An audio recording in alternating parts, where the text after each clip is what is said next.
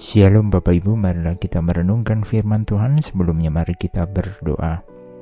Kami rindu hidup kami Tuhan pelihara, saat ini kami hendak merenungkan firman-Mu. Kiranya roh kudus memimpin kami.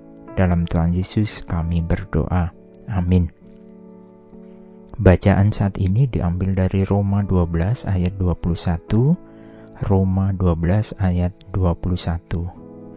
Janganlah kamu kalah terhadap kejahatan, tetapi kalahkanlah kejahatan dengan kebaikan. Natur manusia, jika dia dianiaya, maka ia akan membalas menganiaya. Jika dia dijahati, akan membalas dengan menjahati kembali. Bukankah perilaku seperti ini banyak terjadi di dunia ini?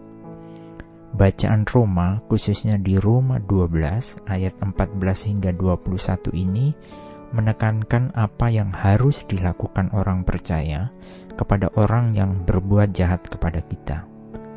Kita sebagai orang percaya harus mampu untuk berbuat baik kepada siapa saja walaupun orang tersebut menganiaya kita sekalipun. Bagi orang yang menaruh dendam, atau berniat untuk melakukan pembalasan terhadap orang lain, pastilah di dalam hatinya tidak ada hal-hal yang positif. Hatinya akan terpenuhi rancangan-rancangan jahat untuk membalas. Betapa hidupnya akan tersiksa karenanya. Tokoh-tokoh dalam Alkitab banyak mengajarkan apa yang harus dilakukan dan apa yang kemudian Tuhan berikan kepada mereka ketika mereka mendapat penganiayaan. Ini bisa memberi penguatan kepada kita jika saat ini kita ada dalam problema hati yang marah dan ingin membalas kepada orang lain. Mari kita mengenal tokoh Yusuf. Yusuf yang dibuang oleh saudara-saudaranya. Apa yang kemudian Yusuf lakukan dan Tuhan lakukan dalam kehidupan Yusuf?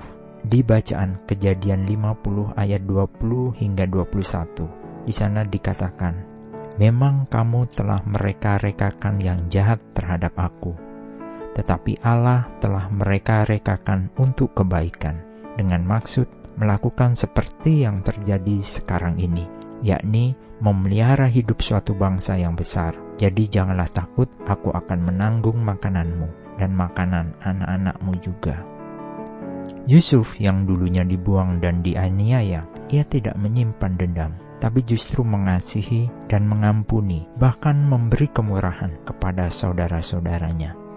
Jadi, jika kita merasa saat ini ada dalam penganiayaan, percayalah, Allah sedang mereka-rekakan kebaikan buat hidup kita.